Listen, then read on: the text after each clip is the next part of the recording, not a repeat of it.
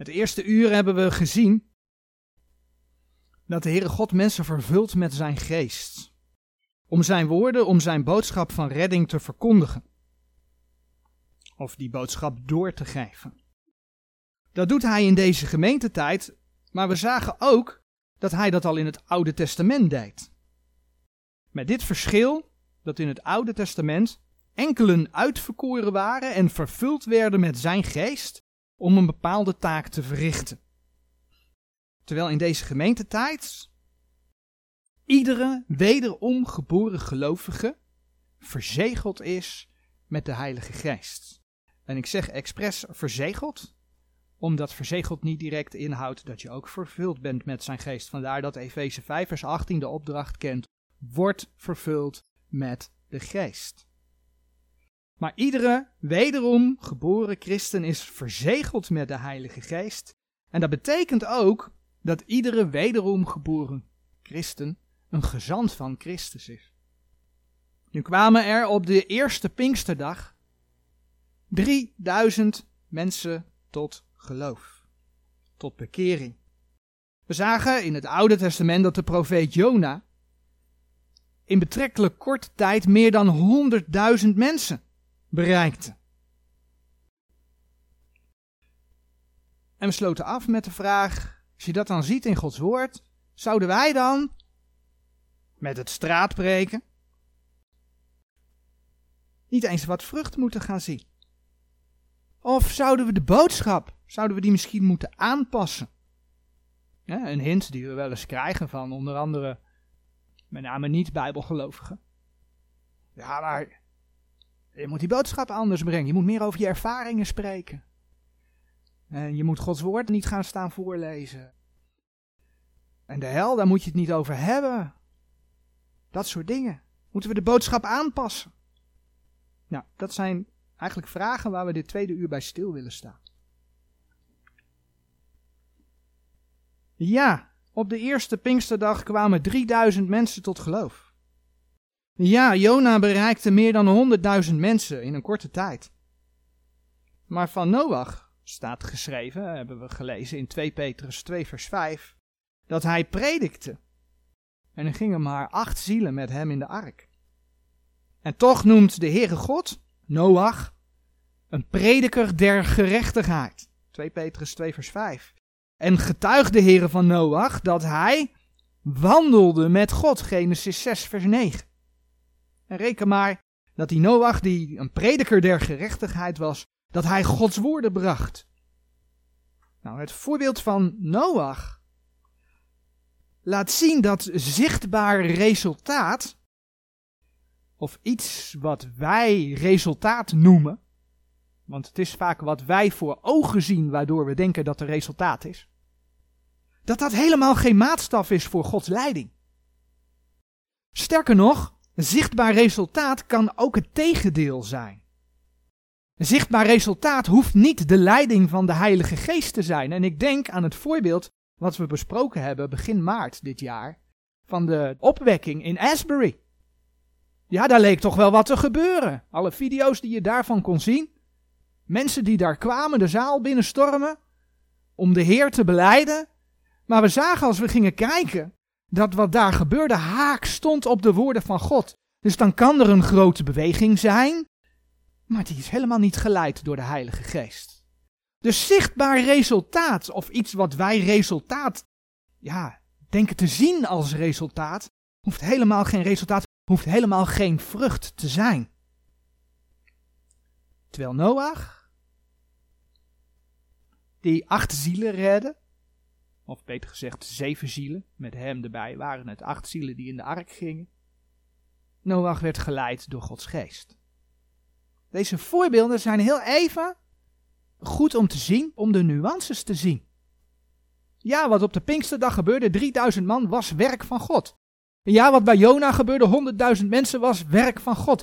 Maar dat er met Noach acht zielen in de ark gingen, terwijl de rest van de aarde verdorven werd, dat was ook het werk van God.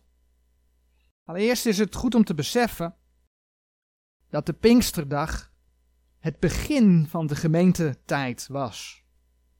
En dat wij vandaag de dag in de laatste dagen van de gemeentetijd leven. En de Heer laat zien dat die laatste dagen, ja, door velen betwist, 2 Thessalonicense 2 vers 3, maar die, die laatste dagen afval van geloof, dat staat geschreven, afval van geloof zullen zijn. En je ziet dat ook als je in openbaring naar de laatste beschreven gemeente gaat kijken. Die staat voor de gemeente van de eindtijd, Laodicea. Dat is een lauwe gemeente. Een lauwe gemeente waar de Heer Jezus notabene buiten staat. dat kun je lezen in, in openbaring 3 vers 16 en openbaring 3 vers 20. 2 Timotheus 3 vers 4 meldt dat de mensen in de laatste dagen meer bezig zijn met hun eigen wellusten, zodat ze het zelf naar het zin hebben, dan dat ze liefhebbers van God zijn. Weet je, dat is heel gewoon feitelijk op basis van de schrift een verklaring waarom we vandaag de dag veelal niet duizenden mensen tegelijk tot geloof zien komen. Die de Heer Jezus als hun persoonlijke verlosser aannemen en beleiden. En Noach is notabene een voorbeeld.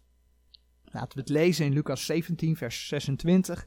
Een voorbeeld voor de tijd dat de Heer Jezus snel gaat terugkomen. Lucas 17, vers 26. En ja, dat gaat niet over de opname van de gemeente, maar het speelt wel in de tijd dat de wederkomst van de Heer Jezus aanstaande is. En dan lezen we in Lucas 17, vers 26. En gelijk het geschied is in de dagen van Noach, alzo zal het ook zijn in de dagen van de Zoon des Mensen. En juist in dat voorbeeld zien we dat een achttal gered wordt. Maar dat neemt niet weg dat ook vandaag de dag nog steeds mensen de Heer leren kennen. En dat is, ja, eenvoudigweg, op basis van de schrift ook de reden dat de Heer nog niet is teruggekomen. Hè? 2 Petrus 3 vers 9 spreekt daarover. Ook in deze laatste dagen zijn kinderen van God gezanten van Christus. Dus ondanks de tijd waarin we leven, heb je een opdracht te vervullen. Heb je Gods woord aan te nemen zoals het is, omdat het ook dan pas werkt. Volgens 1 Thessalonicense 2 vers 13. En heb je dat woord uit te delen zoals het is. Net zoals Paulus getuigde in Handelingen 20 vers 27 dat hij al de raad Gods bracht. Niet een stukje, niet een stukje helemaal uit, nee, al de raad Gods. Het punt voor die vragen die ik stelde hè, over het straatbreken. Het punt is dat vrucht voor ons zelf niet altijd zichtbaar is. Daar gaan we het verder over hebben. Ik noem even een reden waar we het dan niet over gaan hebben. We gaan andere dingen bespreken. Maar misschien is het wel om je te beschermen. Want hoe zou jij gaan reageren als je daar op de hoofdstraat staat en je spreekt een zin uit en 3000 mensen bekeren zich? De kans is heel groot, inderdaad, dat je dan buiten je schoenen gaat lopen. Dat is de gezegde. Dat je trots gaat worden, dat je hoogmoedig wordt en dat jij denkt dat jij het wel kan. Neemt niet weg dat het een geweldige gebeurtenis was van die 3000 man die daar met Pinksteren tot geloof kwam. Hè? Dus dat wil ik niet anders wegzetten. Dat was geweldig. Maar ik denk dat dat een reden is waarom de Heer dat niet altijd laat zien. Maar vrucht is niet altijd zichtbaar en daarvoor willen we gaan lezen een stukje uit Prediker, Prediker 11 vers 1 tot en met 6.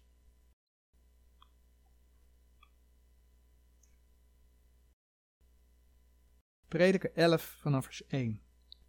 Werp uw brood uit op het water, want gij zult het vinden na vele dagen. Geef een deel aan zeven, ja ook aan acht, want gij weet niet wat kwaad op de aarde wezen zal. Als de wolken vol geworden zijn, zo storten zij plasregen uit op de aarde. En als de boom naar het zuiden of als hij naar het noorden valt, in de plaats waar de boom valt, daar zal hij wezen. Wie op de wind acht geeft, die zal niet zaaien. En wie op de wolken ziet, die zal niet maaien. Gelijk gij niet weet welke de weg des winds zij, of hoe danig de beenderen zijn in de buik van een zwangere vrouw, alzo weet gij het werk Gods niet, die het alles maakt. Zaai uw zaad in de morgenstond, en trek uw hand des avonds niet af, want gij weet niet wat recht wezen zal. Of dit of dat, of dat die beide tezamen goed zijn zullen. Nou, op het eerste gezicht zou je kunnen denken dat dit gedeelte heel letterlijk gaat over het zaaien en oogsten. Want ja, als je als landman, zeg maar, hè, als je als boer alleen maar gericht bent op het slechte weer dat gaat komen, dan kom je niet toe aan zaaien. En dan kom je ook niet toe aan oogsten. Want ja, er zijn zoveel gevaren. Als je daar niet op gericht bent, dan heb je wel tijd om te zaaien.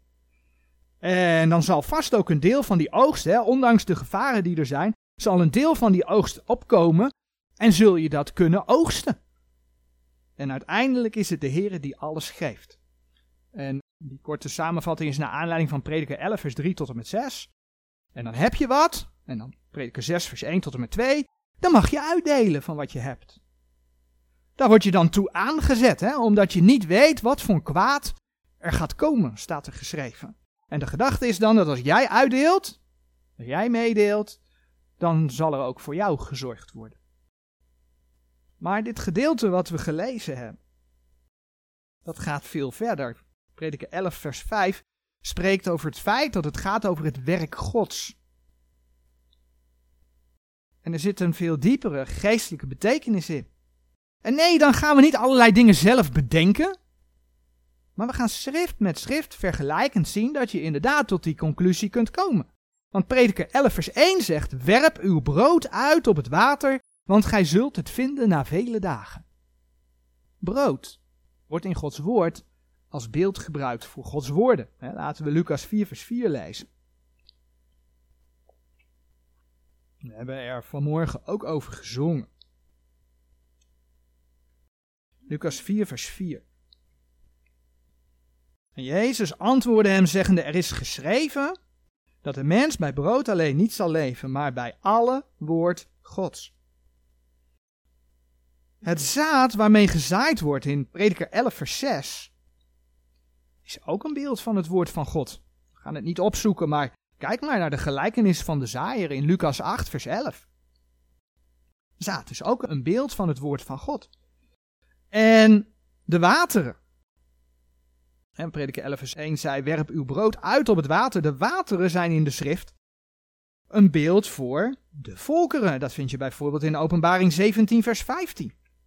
Openbaring 17 vers 15. En hij zeide tot mij, de wateren die gij gezien hebt, waar de hoer zit, zijn volken en scharen en natieën en tongen.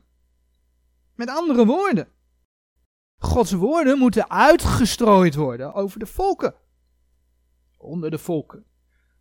Gods woorden moeten verspreid worden onder de volken. Nou, dat uitdelen, dat zit hem ook in Prediker 11 vers 2. Prediker 11 vers 2. Geef een deel aan zeven, ja ook aan acht, want gij weet niet wat kwaad op de aarde wezen zal. Maar stormen die komen, waar Prediker 11 vers 3 tot en met 5 over gaat, stormen die komen, daar heb je als mens, ja, daar heb je geen vat op. Nou, omdat prediker 11 vers 3 spreekt over de plasregen, zie je dat men dit nog wel eens uitlegt als dat het om een zegen gaat waar die versen over gaan.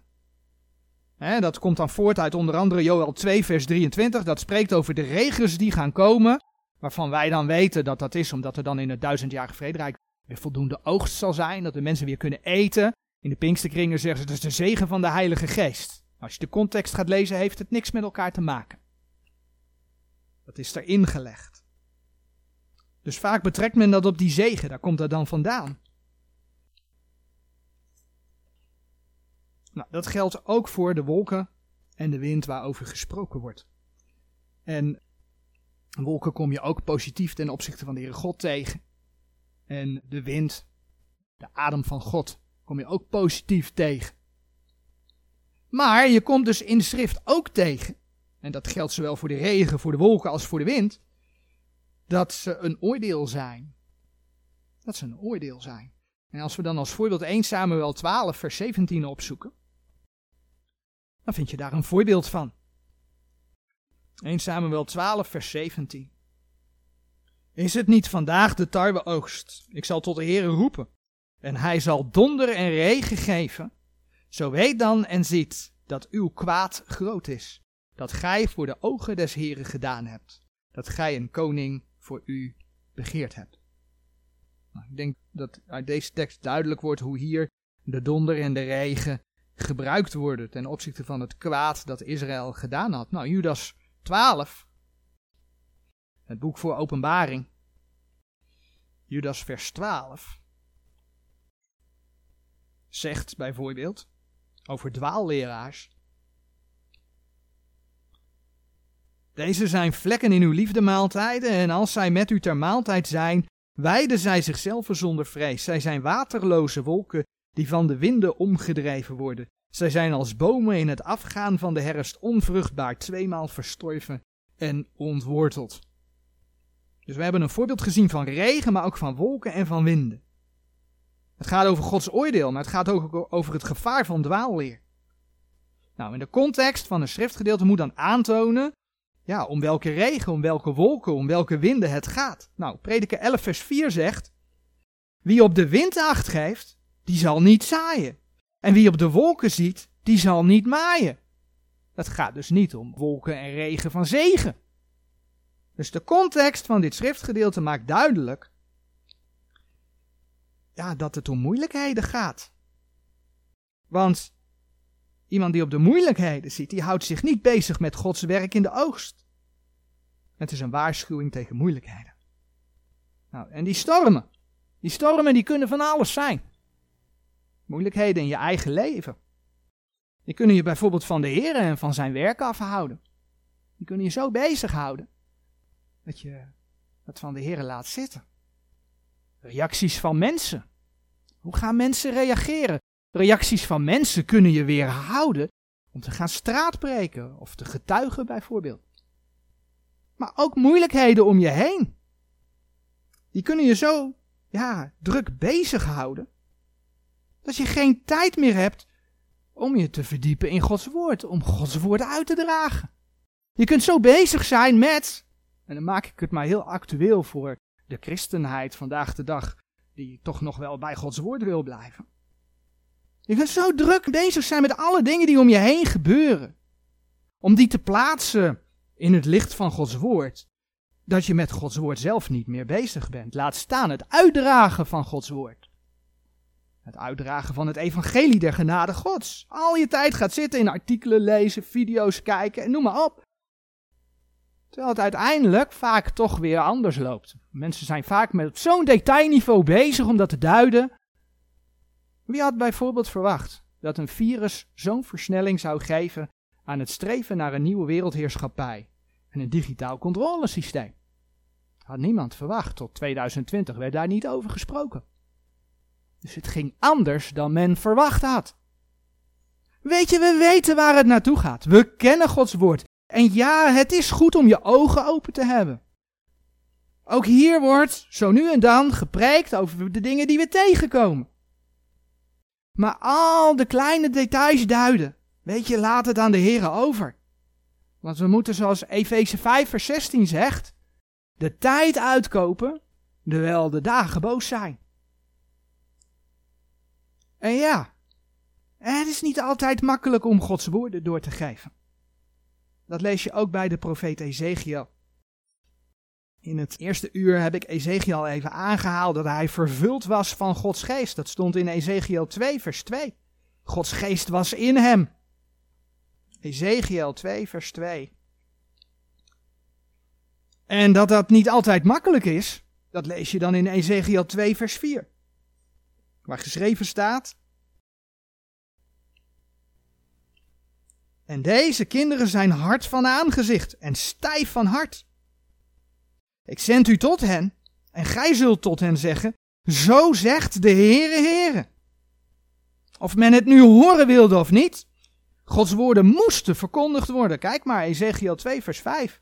En zij, het zij dat zij het horen zullen, of het zij dat zij het laten zullen. Want zij zijn een wederspannig huis. Zo zullen zij weten dat een profeet in het midden van hen geweest is. Als je Ezekiel 2 gaat lezen, dan zie je dat dit een paar maal herhaald wordt. En dan zegt de Heer tegen Ezekiel, wees niet bang. Kijk maar in vers 6. Ezekiel 2 vers 6 zegt, gij mensenkind, vrees niet voor hen. En vrees niet voor hun woorden. Hoewel wederwillige en doornen bij u zijn. En gij bij schorpioenen woont. Vrees voor hun woorden niet.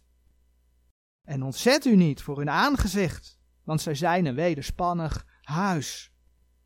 Doornen en schorpioenen waren om Ezekiel heen. Auw, dat doet zeer. Ze waren er omheen. Maar de Heere zei tegen Ezekiel, wees niet bang voor hun woorden.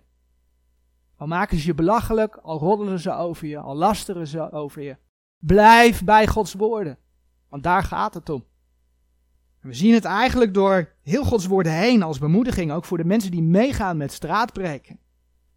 Dat als mensen mopperen op de verkondiging van Gods woord, of zelfs als gelovigen vervolgd worden, hè, dat maken we hier nog niet zo mee in die zin, maar zelfs als gelovigen vervolgd worden. Weet je, ze doen het eigenlijk jou niet aan, ze doen het de Heer aan. Ze doen het de Heer zelf aan. Een tekst waar je dat al in leest is Exodus 16, vers 8.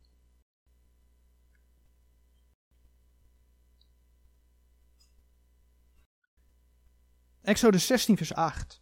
Voort zeide Mozes, als de Heere uw lieden aan de avond vlees te eten zal geven en aan de morgen brood tot verzadiging. Het zal zijn omdat de Heere uw murmurering, uw gemopper, gehoord heeft, die gij tegen hem murmureert. Want wat zijn wij?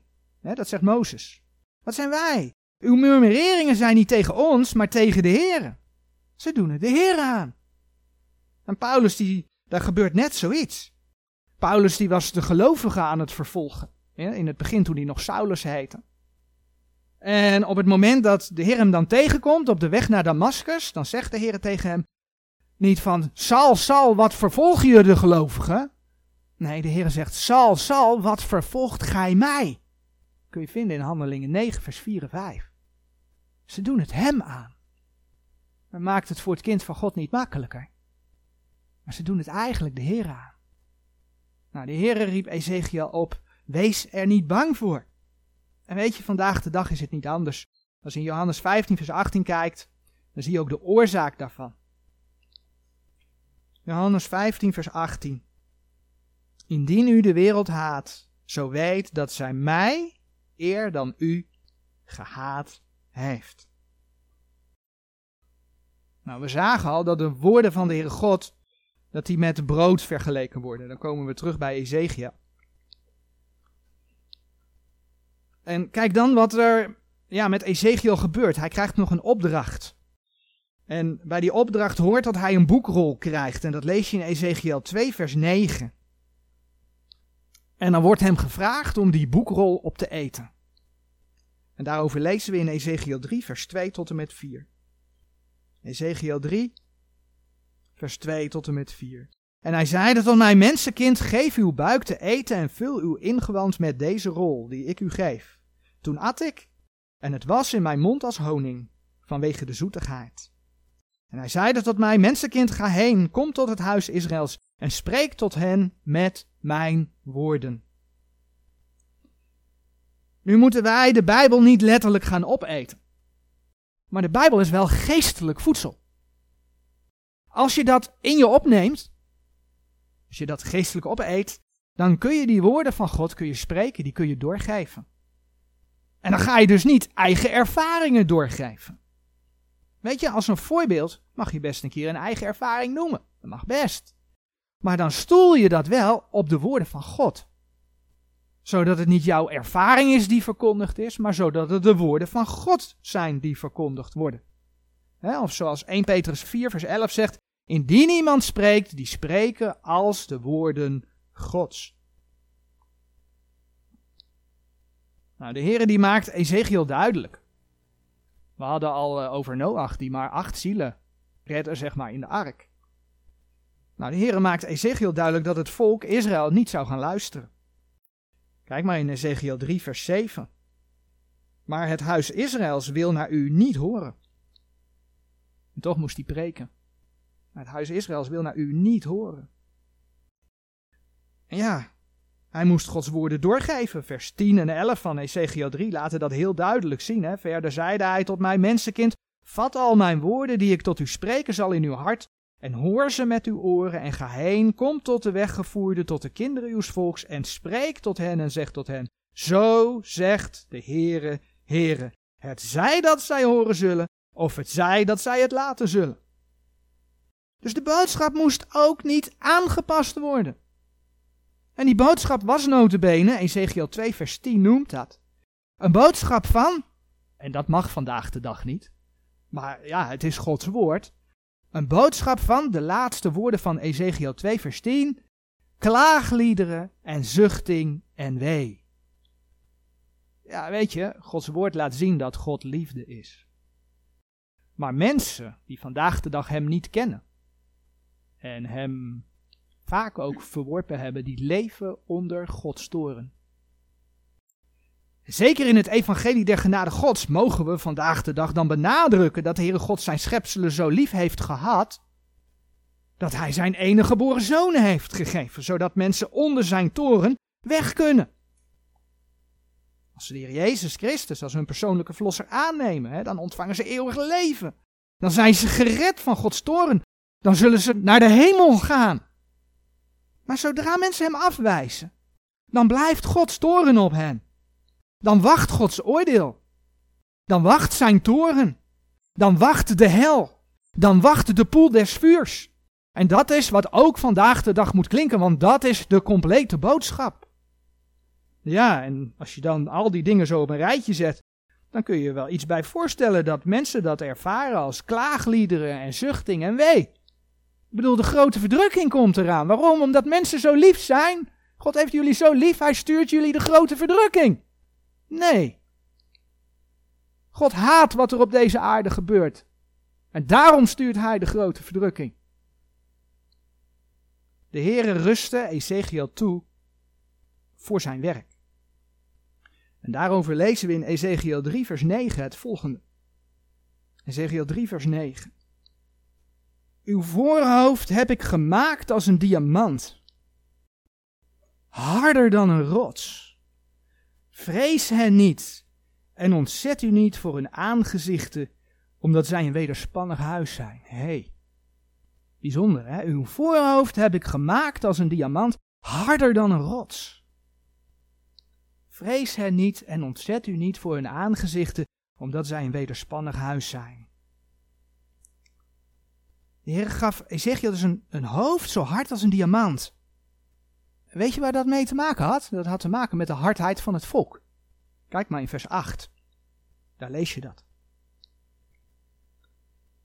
Waarom zou de Heer Ezekiel, even los dat het ook verwijst naar de hardheid van het volk, maar waarom zou de Heer Ezekiel een hoofd geven die zo hard is als een diamant. Nou, laten we Zacharia 7 vers 12 opzoeken. Zacharia 7 vers 12. En ik besef dat ik daar voor deze tegenwoordige tijd iets, moeilijks mee zeg. Maar de Heer laat het zien in zijn woord. Zacharia 7 vers 12. Ook die tekst die we zo gaan lezen past ook bij deze tijd. Als je op de hoofdstraat staat en Nagenoeg iedereen loopt met de neus opgeheven aan je voorbij. Of begint te schelden, of te vloeken, of boos te worden. Moet je lezen wat er in Ezekiel 7, vers 12 staat.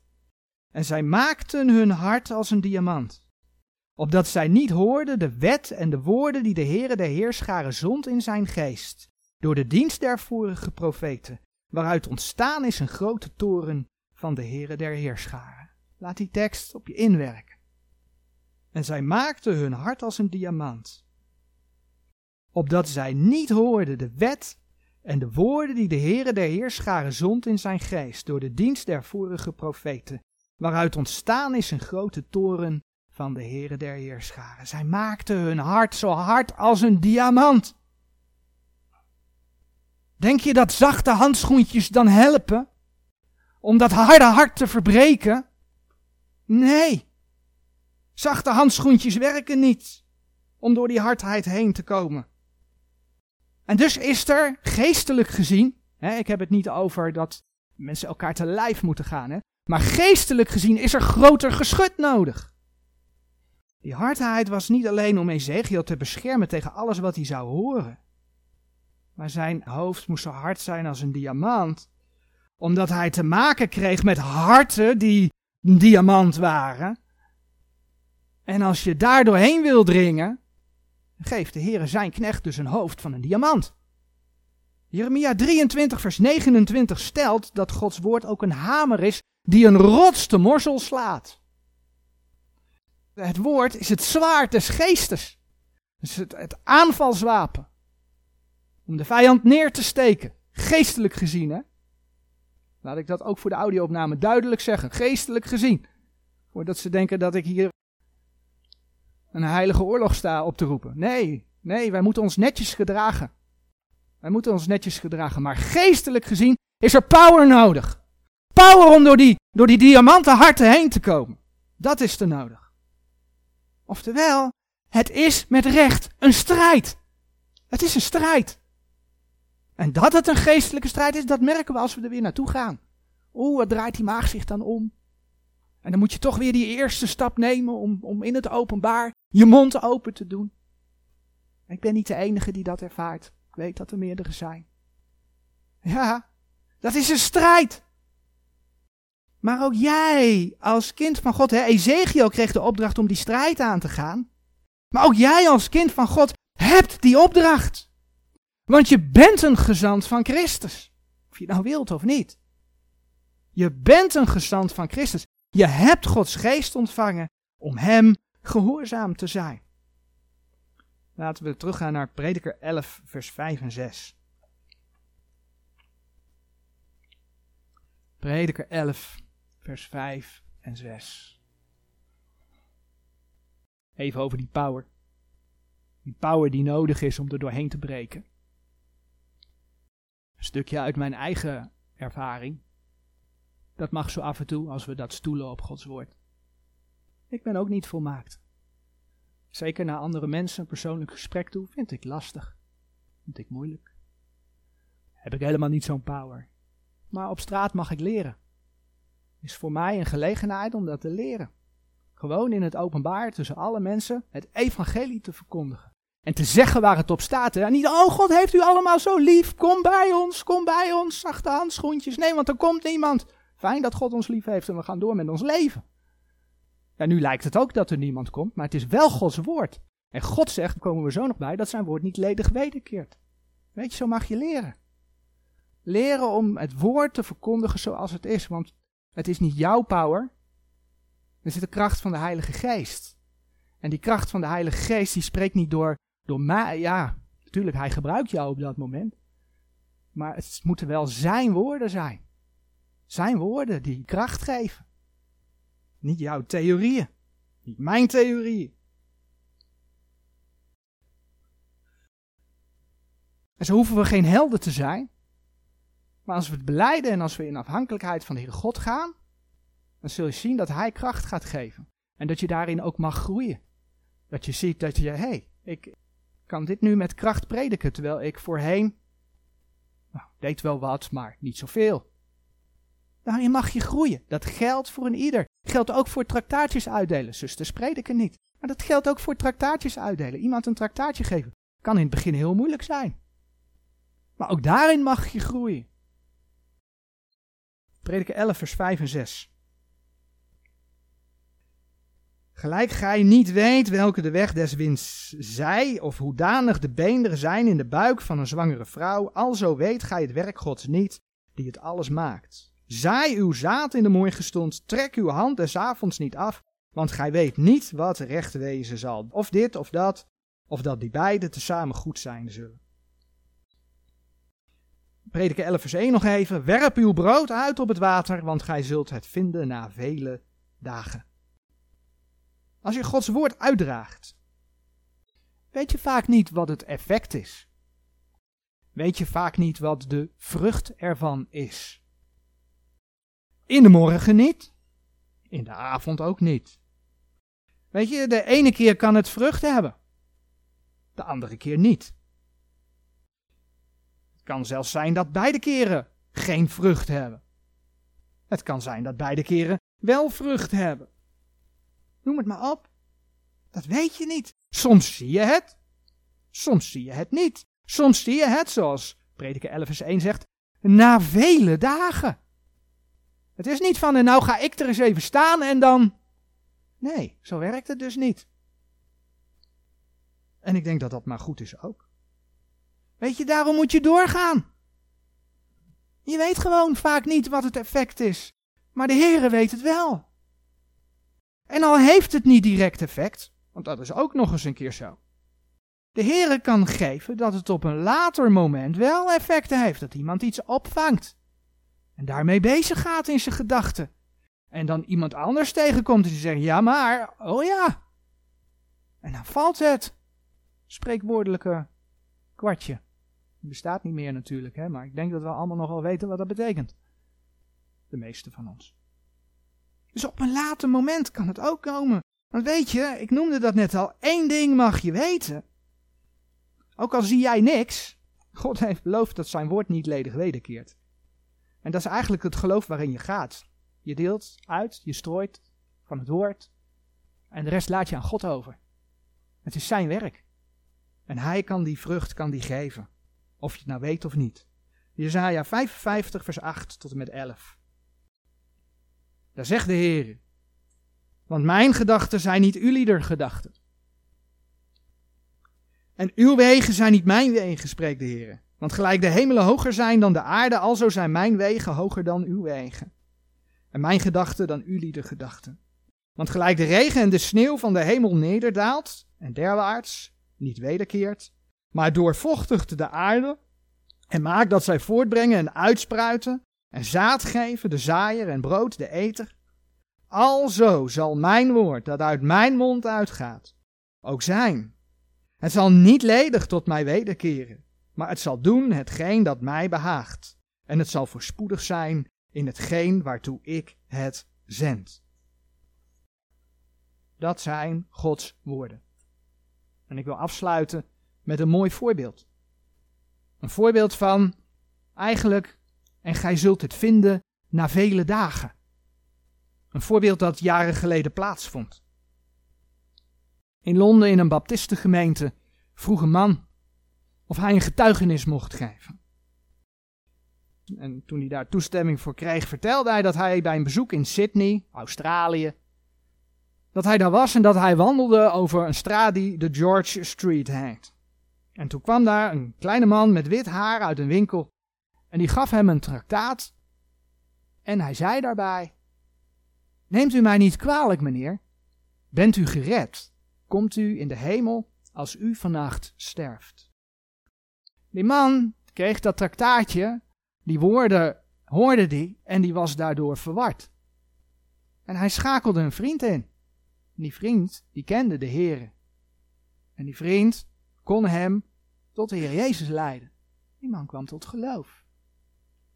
De voorganger van deze gemeente, die vloog naar het zuiden van Australië voor enkele lezingen. En toen kwam een vrouw bij hem. En ja, er ontstond een gesprek en zij vertelde hoe ze Heer Jezus had gevonden. In Sydney had ze inkopen gedaan op de George Street. Toen een kleine man haar een traktaat aanbood met de woorden: Neemt u mij niet kwalijk, mevrouw, bent u gered? Komt u in de hemel wanneer u vannacht sterft? Ja, ze was er onrustig van en thuisgekomen zocht ze een baptistengemeente op. En die mochten haar tot Heer Jezus leiden. Toen die voorganger van die Londense baptistengemeente doorvloog naar het westen van Australië, sprak hij daar de voorganger van een plaatselijke baptistengemeente. En ja, die vertelde zijn verhaal. Deze vertelde dat hij weliswaar in de kerk kwam, voorheen. Ja, en dat hij gewoon een beetje meedeed, daardoor zelfs een beetje promotie maakte. Maar ja, verder. Totdat een kleine man in de George Street in Sydney hem een traktaat overhandigde met daarbij de woorden: Neemt u mij niet kwalijk, meneer, bent u gered? Komt u in de hemel als u vannacht sterft? Maar hij was kwaad, want hij kwam toch in de kerk? Dus wat deed hij? Hij ging naar zijn eigen voorganger. Nou ja, zijn eigen voorganger bevestigde wat die andere man hem verteld had. Waardoor hij uiteindelijk de Heer Jezus aannam als zijn persoonlijke verlosser. Toen de voorganger van de Londense gemeente weer thuis was en een conferentie bezocht en over de getuigenissen verslag deed, kwamen vier oudere predikers naar hem toe, die zo'n 25 tot 30 jaar geleden door het overhandigen van hetzelfde traktaat, met dezelfde zinnen erbij, op de George Street gered werden. Later, op een soortgelijke conferentie voor zendelingen in dit geval in het Caribisch gebied, gebeurde hetzelfde. Drie zendelingen, 15 tot 25 jaar eerder, waren door dezelfde vraag, door hetzelfde traktaat, door dezelfde kleine man in de George Street tot geloof gekomen. Hetzelfde geldt voor een scheepskapelaan uit Atlanta. Dan hebben we het over de Verenigde Staten. Doordat hij met een vlootoefening in de Stille Oceaan was. En men op een gegeven moment de voorraden moest bijvullen van het schip. Kwamen ze bij Sydney. En hij kwam daar, dronken, in de George Street. En hij werd aangesproken door een kleine man. Die hem een traktaat gaf. Met de woorden: Zeeman, ben je gered? Kom je in de hemel als je vannacht sterft? Hij was er dusdanig ondersteboven van, stond er te lezen, dat hij op slag nuchter was. En als je scheepskapelaan opzocht, nou ja, die kon hem tot Christus leiden. Dezelfde soort getuigenis hoorde hij van een zendeling uit India. Toen hij een aantal maanden later in Sydney was en preekte in de baptistengemeente te Sydney, vroeg hij daar of ze de kleine man met het witte haar van de George Street kende, die daar traktaten verdeelde. En ja, die man kende ze. Wel, alleen hij deed zijn werk niet meer, want hij was ondertussen zo oud en zwak geworden dat hij dat niet meer kon. Ze zochten hem op. En toen de Londense voorganger over al die getuigenissen vertelde, van de George Street, van de man op de George Street, rolden de tranen over het gezicht van de oude man. En zijn geschiedenis luidde als volgt. Hij was matroos op een Australisch oorlogsschip. Door een crisis stortte hij in, maar vond hij door een collega die hem hielp, de Heer Jezus Christus. En hij was God zo dankbaar dat hij God een belofte deed. Heere God, ik zal elke dag tien mensen een eenvoudig getuigenis van de Heer Jezus Christus geven. Maar hij moest eerst aansterken. Maar toen hij sterk genoeg was, begon hij daarmee. En na zijn pensionering was de George Street was zijn vaste plek geworden. Daar stond hij. Kwam hij elke dag honderden mensen tegen. Heel veel afwijzingen. Ja. Maar ook waren er mensen die zijn traktaat vriendelijk aannamen. Maar in die veertig jaar dat hij dat werk had gedaan, had hij niet gehoord dat er ook maar iemand was die door dat uitdelen, door dat getuigenis, de Heer Jezus had gevonden. Niemand. Van niemand had hij dat gehoord. Twee weken na dit bezoek werd de oude man door de Heer thuis gehaald.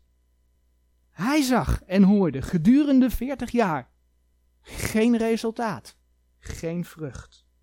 Toch ging hij door. Hij mocht aan 150.000 mensen zijn getuigenis geven. En als één Londense prediker zoveel getuigenissen heeft gehoord van mensen die daardoor tot geloof zijn gekomen. Hoeveel meer mensen zullen er dan door dat getuigenis de Heer hebben gevonden? De Heer weet het. Wat een mooi voorbeeld voor ons. Om door te gaan, door te gaan met straatpreken. Al hebben we zelf nog niet meegemaakt dat iemand in ons bijzijn de Heer aanneemt. De Heer weet wat hij doet. En zijn woord zal niet ledig wederkeren. Kijk wat Galaten 6 vers 9 zegt. Galaten 6 vers 9. Doch laat ons goeddoende niet vertragen, want te zijner tijd zullen wij maaien, zo wij niet verslappen. En weet je, dat geldt ook voor andere manieren van getuigen. Daarom, je draagt als kind van God zijn geest. Je bent een gezant van Christus. Zoek een manier die bij je past om het evangelie der genade Gods door te geven. En een van die manieren is: ga mee met ons als we gaan straatbreken. En weet je, al zie je tijdens je verblijf op deze aarde geen vrucht, blijf bij zijn woorden. Blijf bij zijn woorden. Laat je niet verleiden om die boodschap aan te gaan passen.